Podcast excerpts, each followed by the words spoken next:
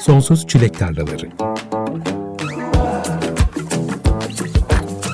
Güncel sahneden söyleşiler. Hazırlayan ve sunan Tuğçe Yapıcı.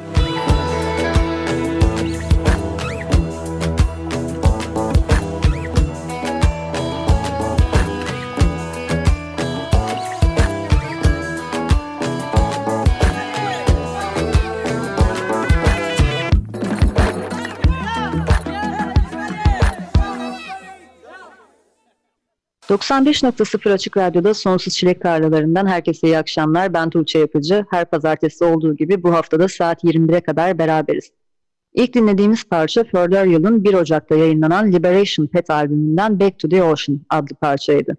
Hatırlayanlarınız olacaktır. iki hafta önce bu albümün haberini vermiştim. Bu akşam konuğum da Further Yıl grubunun solisti ve gitaristi Başar Çelebi. Hoş geldin Başar. Hoş bulduk. Nasılsın? İyiyim Tuğçe sağ ol. Sen nasılsın? Ben de iyiyim. Teşekkür ederim. Başar Çelebi metal sahnemizin önemli isimlerinden birisi. Aynı zamanda Razer INC grubunun da vokalisti gitaristi kendisi. O yüzden bu akşam hem Further yeni albümünden hem Razer'dan hem de başarı bulmuşken metal sahnemizin ahvalinden konuşacağız. Pandemi dönemi haleti ruhiyesinden de tabii ki bahsedeceğiz ama programı moralsiz başlamayalım istiyorum. O yüzden hazır yeni albüm çıkmışken albümden bahsederek başlayalım. Liberation Pet for Dorian'ın üçüncü albümü. Senenin ilk gününde dijital platformlarda karşıma çıkması bana sürpriz oldu diyebilirim. Siz normal şartlarda uzun senelerdir Razer ile çok yoğun bir sahne programı yapıyordunuz. Pandemi süreciyle birlikte sahnelerden uzak kalınca albüm çalışmalarına yoğunlaşıp kayıtları tamamlamışsınız. Pandemi öncesinde albüm ne aşamadaydı, şarkı yazım ve kayıt süreçlerinin ne kadarı pandemi döneminde gerçekleşti? Şimdi şöyle, bu albüm aslında uzun senelerdir elimizde beste olarak hazırdı. Ee, en son iki buçuk yıl önce ben sözleri yazdım, bitirdim. Ee, gitar partları kaydedilmişti. Ee, pandemide aslında davul tekrardan bir revize edildi.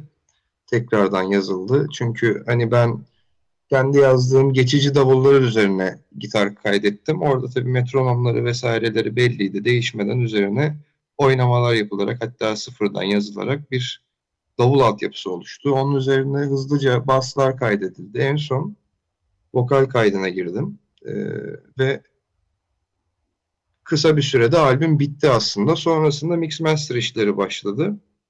Mix master'da e, Bora İnce yaptı bizim gitaristimiz mix'i. Mastering'i Can'da da beraber çalıştığımız Vol'un da sesçisi olan Sergen Tertemiz tarafından yapıldı.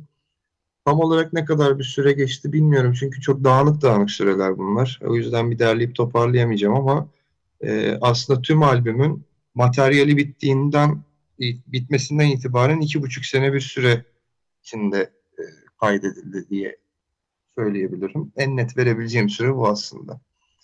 Ve yılbaşında da özellikle tam 1 Ocak'ta çıksın diye bir ayarlama yaptık. Ee, çıkmayacak zannediyorduk. Daha ocağın ortasını bulacak belki falan diye düşünüyorduk. Bize de sürpriz oldu o yüzden. Ee, tam ertesi günü uyandık. Yeni yılın sonrasında bir baktık albüm yayınlanmış. Önce biz mutlu olduk zaten. Yani o, o sonra da e, insanlara da sürpriz oldu. Onlardan gelen bir sevinç tepkileri de bizim bir moralimizi yükseltti yeni yıla böyle bir enerjisi yüksek bir işle girdik. Memnunuz sonuçta. Gayet de tatmin olmuş vaziyetteyiz. Ama hani bunun konserini vesairesini nasıl yapacağız? CD'sini, basımını nasıl yapacağız? Hala şu an konuşuyoruz bazı şeyler aramızda. Bir yolda kat ettik sayılır. Bakalım. Peki yani pandemi olmasaydı da yakın zamanda herhalde Further'ın albümünü duyacaktık sizden. Tabii ki. Öncesinde evet, hazırlıklar başlamıştı. Öncesinde zaten hazırdı. Further'ın başından beri her albümde devam ettirdiği bir hikayesi var. Hı-hı. Masalcı albümlerdeki ismiyle Storyteller. Hı-hı. Sen anlatırsın, ben anlatmayayım şimdi hikayeyi. Tamam. İlk albümden bu albüme kadar devam ettirdiğiniz bu konsept üçüncü albümle birlikte sona eriyor. Bu hikayenin doğuşu ve nihayete erişi sizin cephenizde nasıl gelişti? Şöyle, e, Storyteller aslında en spiritüel bir karakter. E, ve benim 20-21 yaşlarımda kendi kendime yazdığım hikayelerden türeyen bir karakter. Ruhani bir varlık olduğu için insanların ölümleriyle bir şekilde alakalı olduğu için zaten bu albümlerde işlenen konularda da yoğun bir hani ölüp başka bir şeye dönüşme ya da başka bir yere kavuşma konsepti var. Bu albümde de son buluyor. Bunun da son bulmasının da bir sebebi var. Ee, artık hani çünkü üçüncü albümde anlatılan hikayede bir çocuk var. Ve o çocuğun geçmişinden e, yaşlı bir adam haline gelene kadarki sürecinde e, araya giren bir zaman ve bir ruhsal mücadele anlatılıyor. Bu mücadeleye karışan Leteyan diye bir ikinci karakter var. Üçüncü albümde. Daha önceki albümlerde karşılaşmıyoruz bu karakterle. Bu karakter de e, maddesel boyutu temsil ediyor aslında. O da ruhani bir karakter ama Lete nehrinden alınan bir isim. Lete Nehri de mitolojide anlatıldığı üzere suyundan içtiğin zaman hafızanı sıfırlıyor. Her şeyi unutuyorsun. Ve e, o anıları unutmak ve sil baştan başlamak. Bir şeye e, başlarken geçmişi dahi unutmak aslında ve onun üzerine yeni bir gerçeklik, yeni bir düzen inşa etmek ve bunu tamamen dünyadaki malzemeler ve materyallerle yapmaya çalışmak üzerine bir yaklaşımı olan bir karakter. Çocuğun hayatına bu sebeple giriyor masalcıyı bırakmasını istiyor ondan ve bu karakterler savaşıyor nihayetinde. Böyle bir e, üstün körü özet geçebilirim şeyle alakalı. Üçüncü albümün konusuyla, konseptiyle alakalı. Peki bundan sonrası için aklınızda başka bir hikaye oluştu da o yüzden mi bitti bu hikaye yoksa şu anda bu hikaye tamamına erdi. Bundan sonra neler olacak bakacağız bir sonraki albümde mi? Yani bundan sonrasını e, düşünmedik ama ben şu şekilde düşündüm dediğim gibi masalcı konsepti benim 20 yaşlarının tam başında üzerine düşündüğüm ve ortaya çıkardığım bir karakter olduğu için artık o hikayenin devam ettirilemeyecek olduğunu düşünüyorum. Ve hani aynı o zamanki düşüncelerim, hissiyatımla yaklaşmam diye tahmin ediyorum. Bir de artık hani biraz da kendimi sürprizlere, yeniliklere açmak istiyorum bu konuda. Çünkü ileride bir Further Yıl albümü yazmak istediğimde neden besleneceğim? Ne, neler karşıma çıkacak? Bunlar benim için sürpriz. Ve hani yeni bir albüm konsept olacak mı? Bambaşka bir şeye mi ilerleyecek? Müzikal olarak nereye yolculuk yapacak? Aslında bunları alan açmak için ben biraz da bu hikayenin bitmesi gerektiğini düşündüm. Dolayısıyla da e, üçüncü albümde bu hikayeyi layığıyla sonlandırdığımıza inanıyorum. Çok güzelmiş aslında. Nihayete erdirip yeni olasılıklara kapı açmak. Güzel bir bakış açısı. Yani çünkü yeni bir albüm içinde yeni bir araştırma yapmam gerekecek veya konsept ya da farklı şeylerden, farklı düşüncelerden, fikirlerden etkilenmem gerekecek. Bunun için de bu beni aslında biraz daha fazla okumaya ve daha fazla merak etmeye teşvik ediyor. Çünkü yerden sonra mutlaka müzikal olarak da hikaye anlatımı olarak da insanın tıkandığı noktalar geliyor. Ben bu tıkanıklığın önüne geçmek için elimden geleni yapıyorum diyeyim. Ayrıca bir de Razer'la da e, üretimler devam ediyor. Onun içinde mesela hiçbir konsept yok aslında. Tamamen kişisel ve psikolojik yolculukların anlatıldığı şarkılar var orada. Orada da farklı bir şey yapmaya alıştım bir yerde diyeyim. Ve önünde farklı şeyler yapma fırsatı olduğu zaman böyle bir boş bir kağıt oluşuyor. Ve o kağıdı istediğin gibi doldurabilirsin. Ya da dolduramayacak e, durumda da olabilirsin. Önünde boş bir kağıdın olması seni bir şeyleri doldurmaya teşvik edip iyi bir şeyler yapmaya da sürükleyebilir. Ben bu konuda biraz daha e, cesaretli olmaya karar verdim diyeyim. Peki biz bu masalcı konseptinin başından beri Yıl albümlerinde takip ettik ama az önce bahsettiğin 20'li yaşlarının başında kaleme aldığın hikayeleri hiç yazılı olarak paylaştın mı bugüne kadar?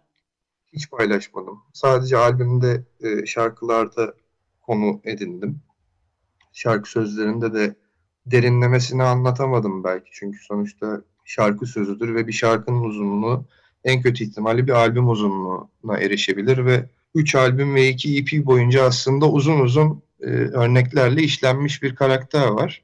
Ama e, şu anki planlarımda zaten hali hazırda aktif bir müzik hayatım olmadığı için kendimi okumaya ve yazmaya biraz daha yoğunlaştırabiliyorum diyeyim şu anda o konuda bir çalışmam var. Yani hikayede elimde bitmiş bir hikaye olduğu için yazacak da bir şeylerim var. O yüzden e, bu aralar üzerinde çalışıyorum diyeyim. Kaleme aldığım bir şeyler var yani şu aralar. Şu anda var evet. Yani bu şeyle beraber son karantina dönemiyle beraber başladım. Bu arada ilk dinlediğimiz parça Back to the Ocean albümün ilk single'ı olarak çıktı. Evet. Bir video yaptınız parça için. Hı-hı. Pandemi dönemi olmasaydı klip de çekmek isterdiniz sanırım albüm için.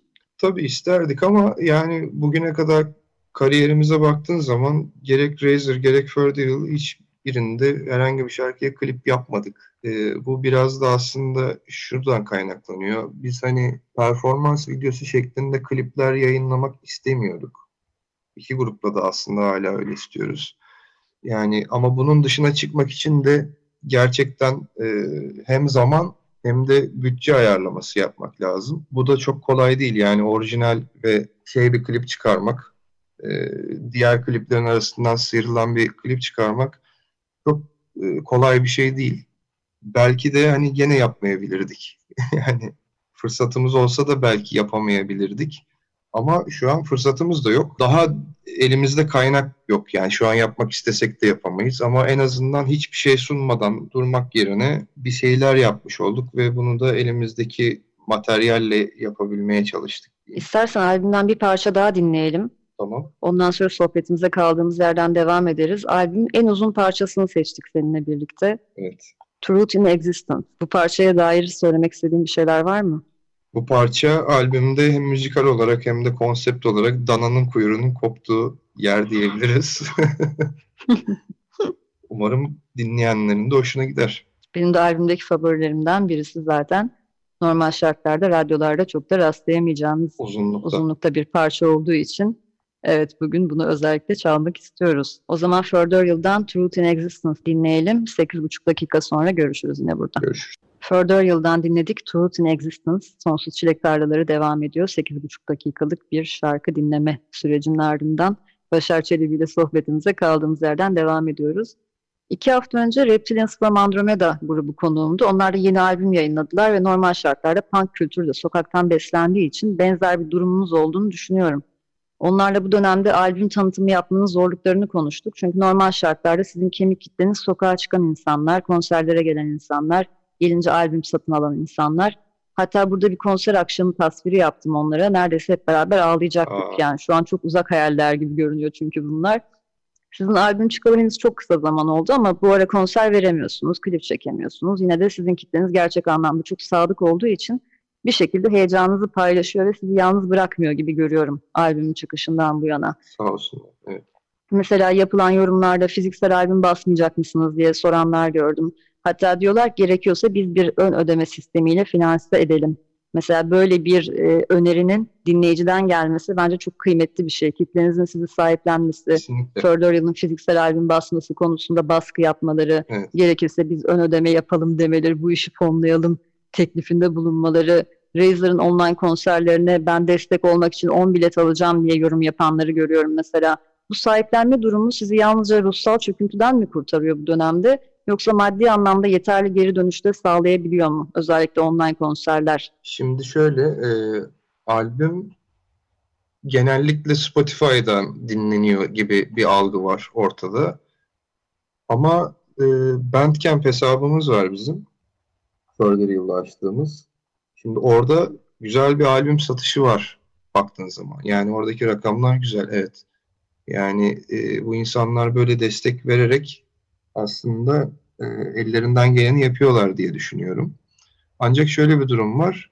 E, yani buradaki desteğe güvenerek e, yaşamımızı devam ettiremeyiz ki bu zaten bir yerde insanların üzerine yük bindirmeye çalışmak olur.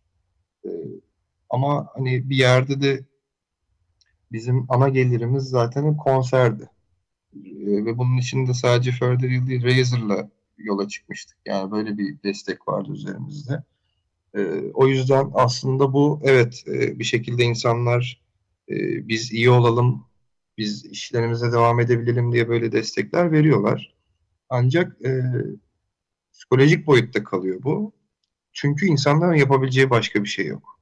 Yani kimseye bizi ebeveyn olmalarını bekleyemeyiz. Biz kendimiz bir şekilde taştan çıkarmalıyız bazı şeyleri. Hayatta da bu böyledir. Yani Evet, müziğimizi seviyordur insanlar, gelip destekliyordur, gelip o mekanda bilet alıp konser izliyordur. Ee, bir şekilde fiziken yanımızda bulunuyordur. Ama e, buna güvenerek yaşanmaması gerektiğini düşünüyorum ben. Ki zaten hali hazırda düştüğümüz durumda da bunun karşılığını görmüş bulunuyorum ben kendi özel hayatımda. Öyle söyleyeyim. Benim şimdiye kadar programda konuk ettiğim sanatçılar arasında en çok canlı performans veren senin de yine vokalisti ve gitaristi olduğun Razor Durak döneminde haftada en az iki, sonrasında haftada üç konser gibi ortalama bir rutininiz vardı bildiğim kadarıyla. Evet. Pandemi döneminde konserler durdu ve konser gelirleri kesilmiş oldu. Tabii işin maddi tarafı o kadar hayati ki psikolojik etkilerini konuşmaya hiçbir zaman yeterince sıra gelmedi bence bu süreçte. Hı hı. Bu yoğun programın size getirdiği yoğun da bir hayat temposu Evet. var bir yandan. Konser öncesinde dinlenmek, konser günü erkenden mekana gitmek, orada dinleyiciyle eşle dostla sohbet etmek bunların hepsi tatlı ama yorucu mesailer aslında. Mutlaka. Saatler süren çok uzun performanslar veriyordunuz. Konser er- ertesi ciddi bir zihinsel ve fiziksel yorgunluğu var bunun. Tüm bu rutin bozuldu ve her gün birbirinin neredeyse aynısı bir hale dönüştü. Bunun getirdiği ruh halini de konuşalım istiyorum. Geleceğe dair planlar yapmak mümkün mü böyle bir ruh halindeyken? Yani şimdi zaten fiziken yoruluyoruz diyeyim. Ee, fiziki yorgunluk kendi başına yetiyor. O fiziki yorgunluğun verdiği bir de psikolojik e, çöküntü var. Sürekli bir kafayı toparlama, sürekli bir dik durmaya çalışma hali var. Çünkü yani şu- sahne şöyle bir şey değildir. Sahneye çıkarsın, işini yapar, evine gidersin gibi bir durum söz konusu değil. O sahneye her çıktığında o yoğunluğun içine dalıyorsun aslında ve o şarkıyı her söylediğinde o şarkının ruh halini bedenen de yaşıyorsun. Yani o ruh hali ve bedeni çok fazla ayıramıyorsun. Ve e, şarkıdan şarkıya da fark var. Bazı şarkılar o kadar sarsıyor, sallıyor ki seni. O hale girdiğin zaman oradan uzun süre çıkamayabiliyorsun. Ve bunu ne kadar fazla sık yaparsan o kadar da üzerinde, hayatında, psikolojinde etkilerini görüyorsun. Ve e, aslında bizim şöyle bir problemimiz vardı. Biz dinlenmeyi bilmiyorduk. Yani aslında dinlenmemiz de gerektiğini fark etmiyorduk. Çünkü ne kadar çok çalarsan o kadar çok e, borçlarını kapatabiliyorsun. O kadar çok e, sabit giderlerini ödeyebiliyorsun. Müzisyenler de genelde ortak özelliklerden bir tanesi şudur. 100 birim kazanıyorsa 110 birimlik plan yapar. Der ki haftaya cuma işte ya da cumartesi nasıl sahne var. Haftaya ben bu şeyi kapatırım der.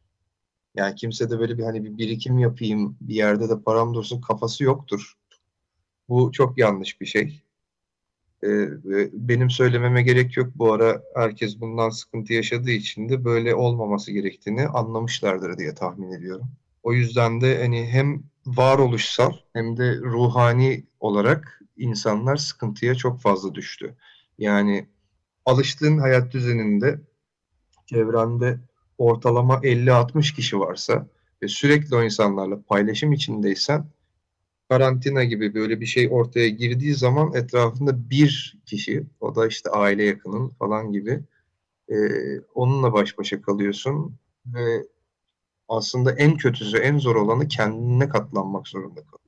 Ve hani bizim gibi insanların ruh halleri kendiyle baş başa kalmaya çok müsait ruh halleri olmuyor. Yani kendi kendine zaten sürekli kırbaçlayan bir kafaya sahip olduğun için yani hani o şarkılar e, söyleniyor. Evet insanlar duyduğu zaman evet çok içten şarkı söylüyor diye düşünüyor ama o içten şarkı söylemenin bedeli işte biraz da bu yani kalbinde kocaman bir delik olması ve o deliğe sürekli senin böyle bıçak sokman. Yani malzeme bu. Yapacak bir şey yok. Yine aslında Razor seyircisiyle buluşma anlamında geçen senenin en şanslı gruplarından Evet, birisiydi tabii. diyebiliriz. Çünkü mesafeli konserlerde geçen yaz yine mesafeli konserler gerçekleşti en azından. Online konserler de verdiniz. Konserlere hı. gelemeyen e, insanlarla bir araya gelmekten tedirgin olan dinleyiciyle de bir şekilde buluşabildiniz.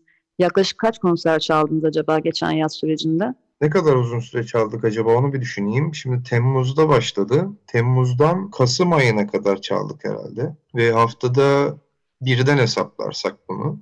Bazen iki de oldu, oldu çünkü. Ama haftada bir diyelim biz. Bazı haftalarda olmadığı da oldu çünkü. Temmuz'dan Kasım'a her hafta çaldık. O yüzden aslında benim şu an çok bir ağlamaya hakkım yok gibi geliyor bu konuda bana. Ee, yani şanslıydık da diye düşünüyorum bir yerde.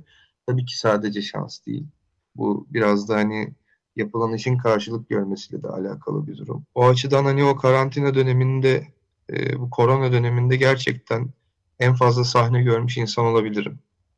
Yalnız şöyle söyleyeyim, online konserler asla karşında bir seyircinin olması duygusunu karşılayan bir şey değildir. Bu hiçbir müzisyeni tatmin etmez. Dinleyici belki bir yerde tatmin duygusu sağlayabilir ama hani sonuçta biz de bir şekilde işin iyi yerinden, e, işe iyi yönünden bakmaya çalışan kişileriz. En azından bu var diyoruz ama şu ara o da yapılamıyor çünkü sokağa çıkma yasakları var. O sokağa çıkma yasaklarından dolayı en fazla bizim yapabileceğimiz şey evlerde bir araya gelip akustik konserler vermek olabilir. Onu da ileride yapar mıyız ya da bir dener miyiz, denemez miyiz? Bir defa Özgür de denedik. Ee, ama o da bir uygulama üzerinden oldu. İnsanlara böyle uygulama indirtiyorsun. Oradan böyle işte kredi kartıyla bilmem neyle bilet aldırtıyorsun falan filan. Benim de çok içime sinen işler olmuyor. Ben bu online konserlerin bilet satışlarını mümkün olduğunca takip etmeye çalışıyorum. Bazı sanatçılar da açıkladılar hı hı. bu dönemde alternatif sahnede ya da rock sahnesinde çok da yüksek satışlar yakalanmıyor. Evet. Çok ünlü isimler bile olsa. Sizde acaba online konserlerde bilet satışlarından tatmin edici bir sonuç alabildiniz mi? Yani şunu merak ediyorum aslında. Bu doğru bir sisteme oturduğu takdirde sanatçıların bu şekilde geçinmelerini sağlamaları mümkün mü? Ben çok mümkün olduğunu sanmıyorum. Ee, biraz böyle kafadan girdim kusura bakma. Yani direkt hayır diye. Belki de mümkündür bilmiyorum. Yok aslında direkt sordum ben de. Yani belki mümkün olan vardır ama şimdi şöyle bir durum var Tuğçe. E, oraya gelen destekleyen insanlar hali hazırda bizim kemik dinleyicimiz diye düşünürsek eğer bu rakam ne kadarsa onun işte atıyorum yarısı diyelim geldi konserini online bir şekilde seyretti. Seni hiç tanımayan bir insanın e, seni orada keşfetmesi ya da senin seyirci kazanman gibi bir ihtimal çok çünkü hani atıyorum mekanda Hı-hı. çalıyorsun zaten oraya eğlenmek için gelen grubu tanımayan bir takım insanlar da gelebiliyor dışarıdan ve yeni bir dinleyici kitlesi kazanıyorsun. Aslında internet bu iş için de çok güzel kullanılabilir ama etrafta o kadar çok hani e, insanların maruz kaldığı veri var ki şimdi bu veriler içerisinde de ayıklama yapmak da çok sağlıklı olmayabiliyor. Mutlaka bir ayıklama yapmak zorunda bunu bir şekilde aynı şey yapamayabiliyor. Bir de benim e, daha çok şey yaptığım, kafaya taktığım şöyle bir konu var. Şimdi sahnedesin. Sahnede bir sistem var. Sen kendini oradan duyuyorsun. Bir de PA sistemi var. Seyirciye giden ses.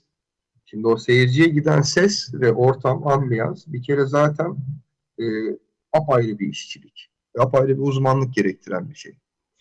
Şimdi bunu yaptın bir yerde e, sesi bir şekilde bir kanaldan bilgisayara aktarıp onun ayrıca bir mixini yapman lazım. Bu, bu da apayrı bir uzmanlık. Ve hani sen çalıyorsun, evet çok güzel geliyor her şey, tane tane çalıyorsun, güzel bir performansla çalıyorsun. O sesi bilgisayara aktaramadın mı? Ve ilk defa seni orada mı izlediler? Kötü bir düzenle. Yani bizi tanıyan insan algıda tamamlama yöntemiyle evet bak gene her zamanki gibi çalıyorlar diye düşünebiliyor ama ilk defa duyan adam diyor ki bir çalıyor. Yani hı hı. öyle bir risk de var bu işte. Yani gerçekten düzgün yapılması gerekiyor. Gerçekten bilenle çalışmak gerekiyor. Ee, böyle zorlukları var. Bunlar hep aşılması gereken şeyler. Bir şekilde zamanla aşılması mümkün olan şeyler. Ama e, hiçbir şey sabit kalmıyor. Sürekli şartlar değişiyor. Ee, yeni çözümler bulunuyor. Yeni uygulamalar çıkıyor. Onları takip edip onlara adapte olana kadar zaman geçiyor.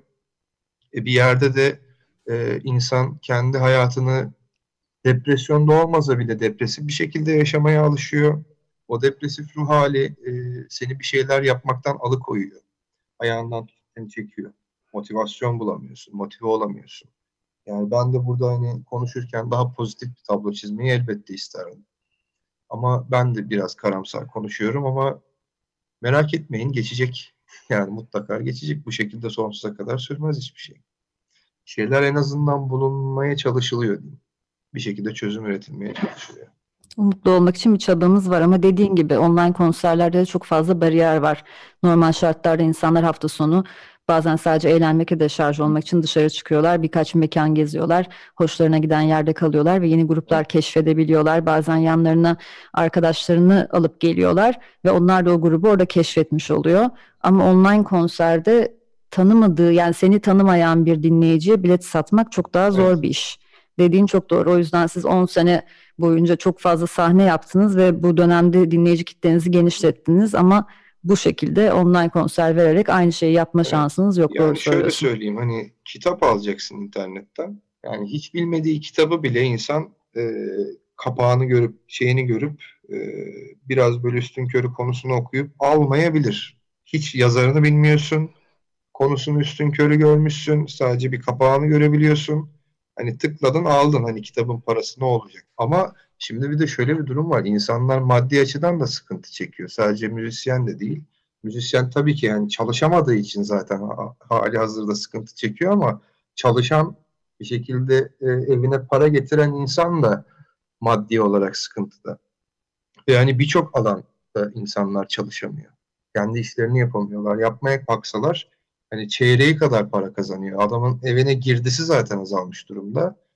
Hadi bir konser seyredeyim dediği zaman da hani zaten gene tanıdık bildik yerlerden yola çıkacak. Anlatabiliyor muyum? Ki bu da hani çok mantıksız bir kafa değil.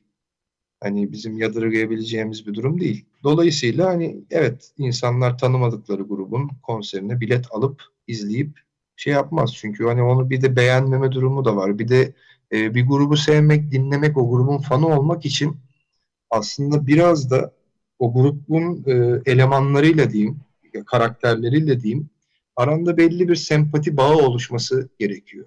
Yani o insanı bir şekilde baktığın zaman müziğinin yanı sıra biraz da o insanı sevip içselleştirmen gerekiyor. Böyle bir fırsat senin birebir karşına alıp çaldığın insanla biraz daha mümkün. Çünkü orada bir iletişim, bir temas var. Ama ekrandan ekrana o temas sağlamak çok kolay değil yani. Sohbetimize devam edeceğiz ama şimdi bir parça daha dinleyeceğiz. Yine Furtheral'ın albümü gibi 1 Ocak'ta yayınlanan bir metal albümü daha var. Kaptan Kadavra'nın grupla aynı ismi taşıyan ilk albümü. Ankaralı bir ekip Kaptan Kadavra, Doom, Groove ve Death Metal olarak tanımlıyorlar yaptıkları müziği.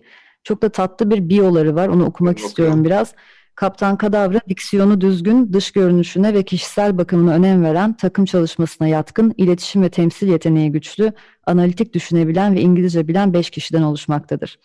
Günlük hayatlarında death metal, stoner metal, black metal, doom metal, thrash metal, groove metal, progressive metal ve daha pek çok ağza alınmayacak türde metal dinleyen grup, girdikleri ortama göre her türden müziği tüketmekte ve dışarıdan bakıldığında o kadar da metalciye benzememektedirler. Uzun zamandır gördüğüm en yaratıcı tanıtım metni olduğu için tebrik ediyorum öncelikle. Güzelmiş, ben de sevdim. Ve şimdi Kaptan Kadavra'dan, evet. değil mi? Çok güzel. Şimdi Kaptan Kadavra'dan Katiyen adlı parçayı dinleyeceğiz. Kendi deyişleriyle anlamlı sözlere sahip olmayan yalnızca ağızlarına geleni bağırmak amacıyla yapılmış bir parçaymış. Ardından Başar Çelebi ile sohbetimize devam edeceğiz. Açık Radyo'da Sonsuz Çilek Tarlaları'nın son bölümündeyiz. Kaptan Kadavra'dan dinledik Katiyen. Şimdi Başar son söyleşimizde sizi Açık Radyo'da son konuk ettiğimizde henüz Razor'ın ilk albümü yeni çıkmıştı. Evet. 2019 sonuydu ve sizin senelerdir program yaptığınız Durak Taksim'de yeni kapanmıştı herhalde o dönemde. Durağın kapanmasından sonra İstanbul'un farklı mekanlarında konser vermeye başlamıştınız. Hemen sonrasında pandemi başladığı için bu süreç birkaç ay kadar sürdü sanırım. Şimdi çok uzak bir zaman gibi geliyor bana ama o süreçte neler yaşadınız onu merak ediyorum. Alıştığınız bir düzeniniz ve rutininiz varken birden yeni bir döneme girdiniz.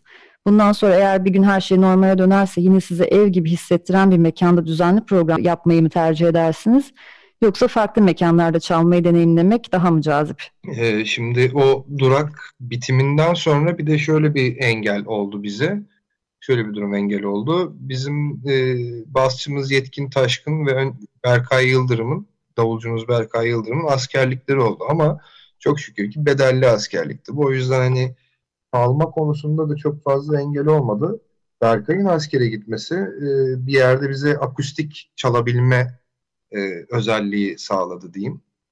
Ve hani Berkay geldikten sonra da davullu akustik gibi bir yeni bir konseptimiz oldu ve aslında ses sisteminden ötürü çok böyle çalmaya yanaşmadığımız mekanlarda da akustik çalmaya başladık.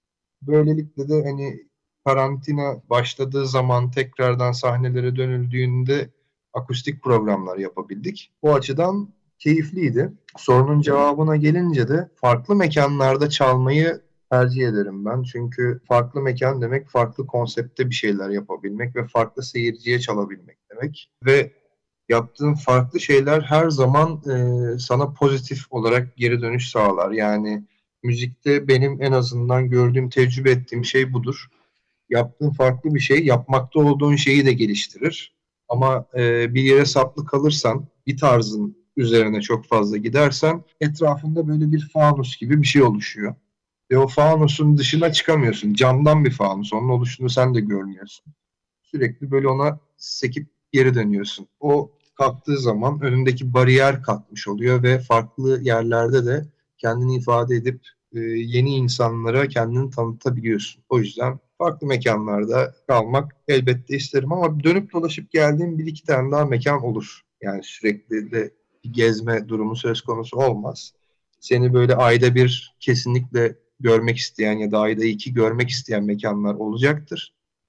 Onlar arasından da en böyle huzurlu hissettiğimiz, evimiz gibi hissettiğimiz yerlerde daha sık sahne alırız diye düşünüyorum. Peki o dönemde çaldığınız yani durak sonrası dönemde metal müziğe sahnesine yer verebilen mekanlar şu an çalışamıyor tabii ki hiçbir mekan ama aralarından kapananlar oldu mu? Bu dönemde çünkü varlığını devam ettiremeyen çeşitli mekanlar oldu.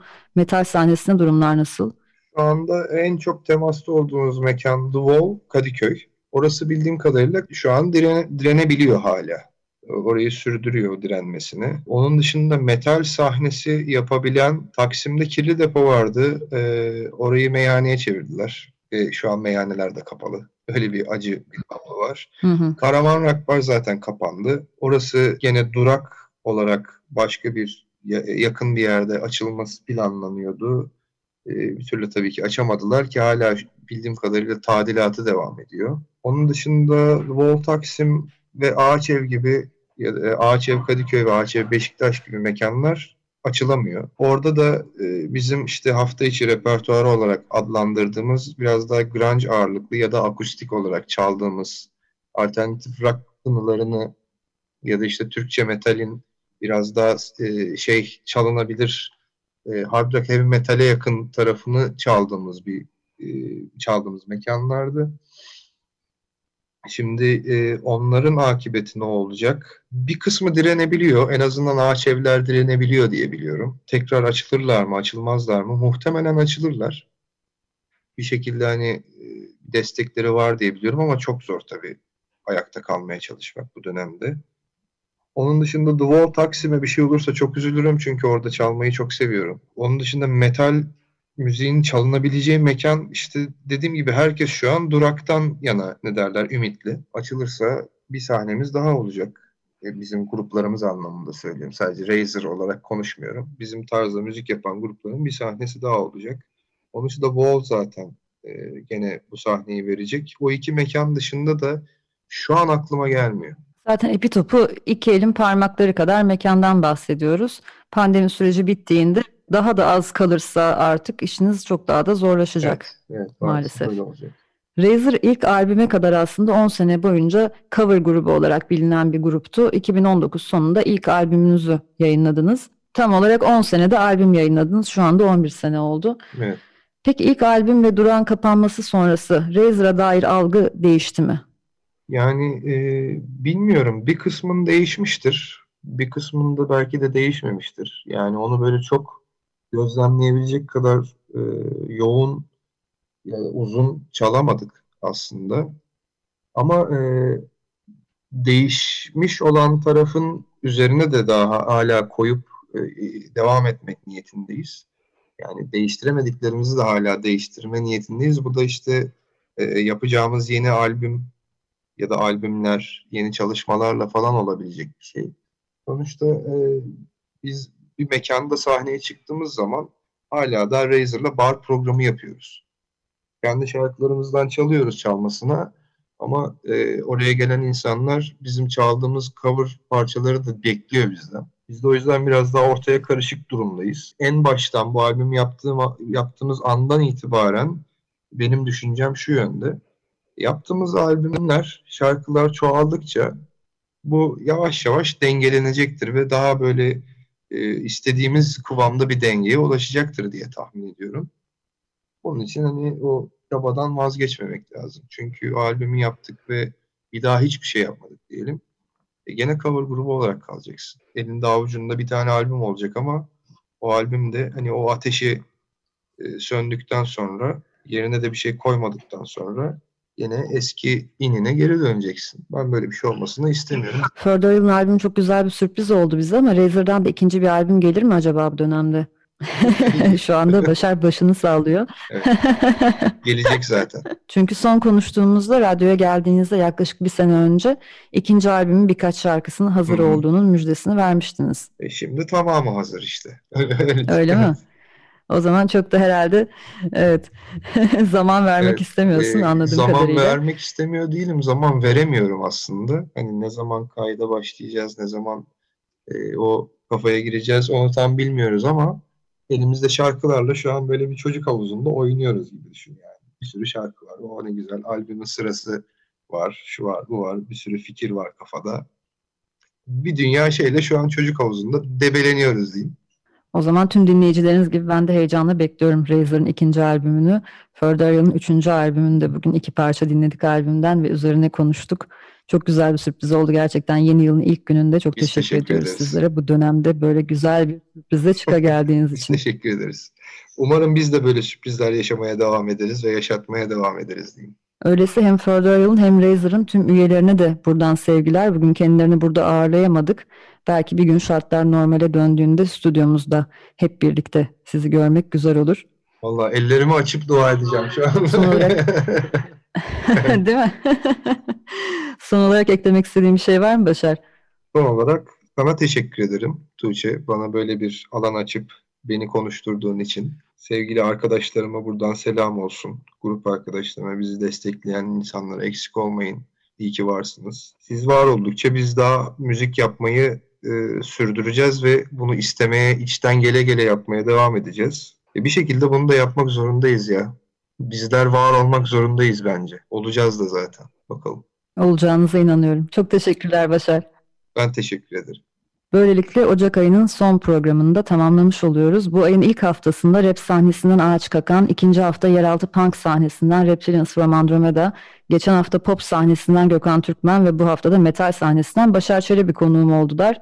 Bu ay içerisinde Sonsuz Çilek Tarlalarında yakaladığımız tür çeşitliliğinden çok mutluyum. Umarım sizler de her hafta aynı saatte birbirinden çok farklı türlerde müzikler duymaktan memnunsunuzdur. Bu arada önceki bölümlerin hepsini Açık Radyo'nun internet sitesinde podcast bölümünden ve ayrıca Spotify'da bulabilirsiniz. Bu çeşitliliği hiç bozmadan gelecek haftada elektronik sahneye gidiyoruz. Tan Tunçan'ın projesi Cava Grande'nin ikinci albümü Hollow Shell bu cuma yayınlanıyor. Bu vesileyle haftaya pazartesi Tan Tunç'a konuğum olacak. Ben albümü dinledim. Gelecek hafta burada sizlerle birlikte dinlemek ve merak ettiklerimi kendisine sormak için sabırsızlanıyorum. Gelecek pazartesi görüşünceye dek hoşça kalın. Sonsuz Çilek Tarlalarından bu haftalık bu kadar. Son olarak Razer INC'den Nerede Düşlerin dinleyeceğiz.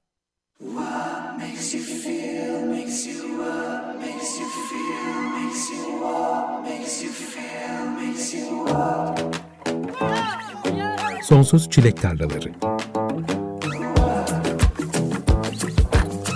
Güncel sahneden söyleşiler. Hazırlayan ve sunan Tuğçe Yapıcı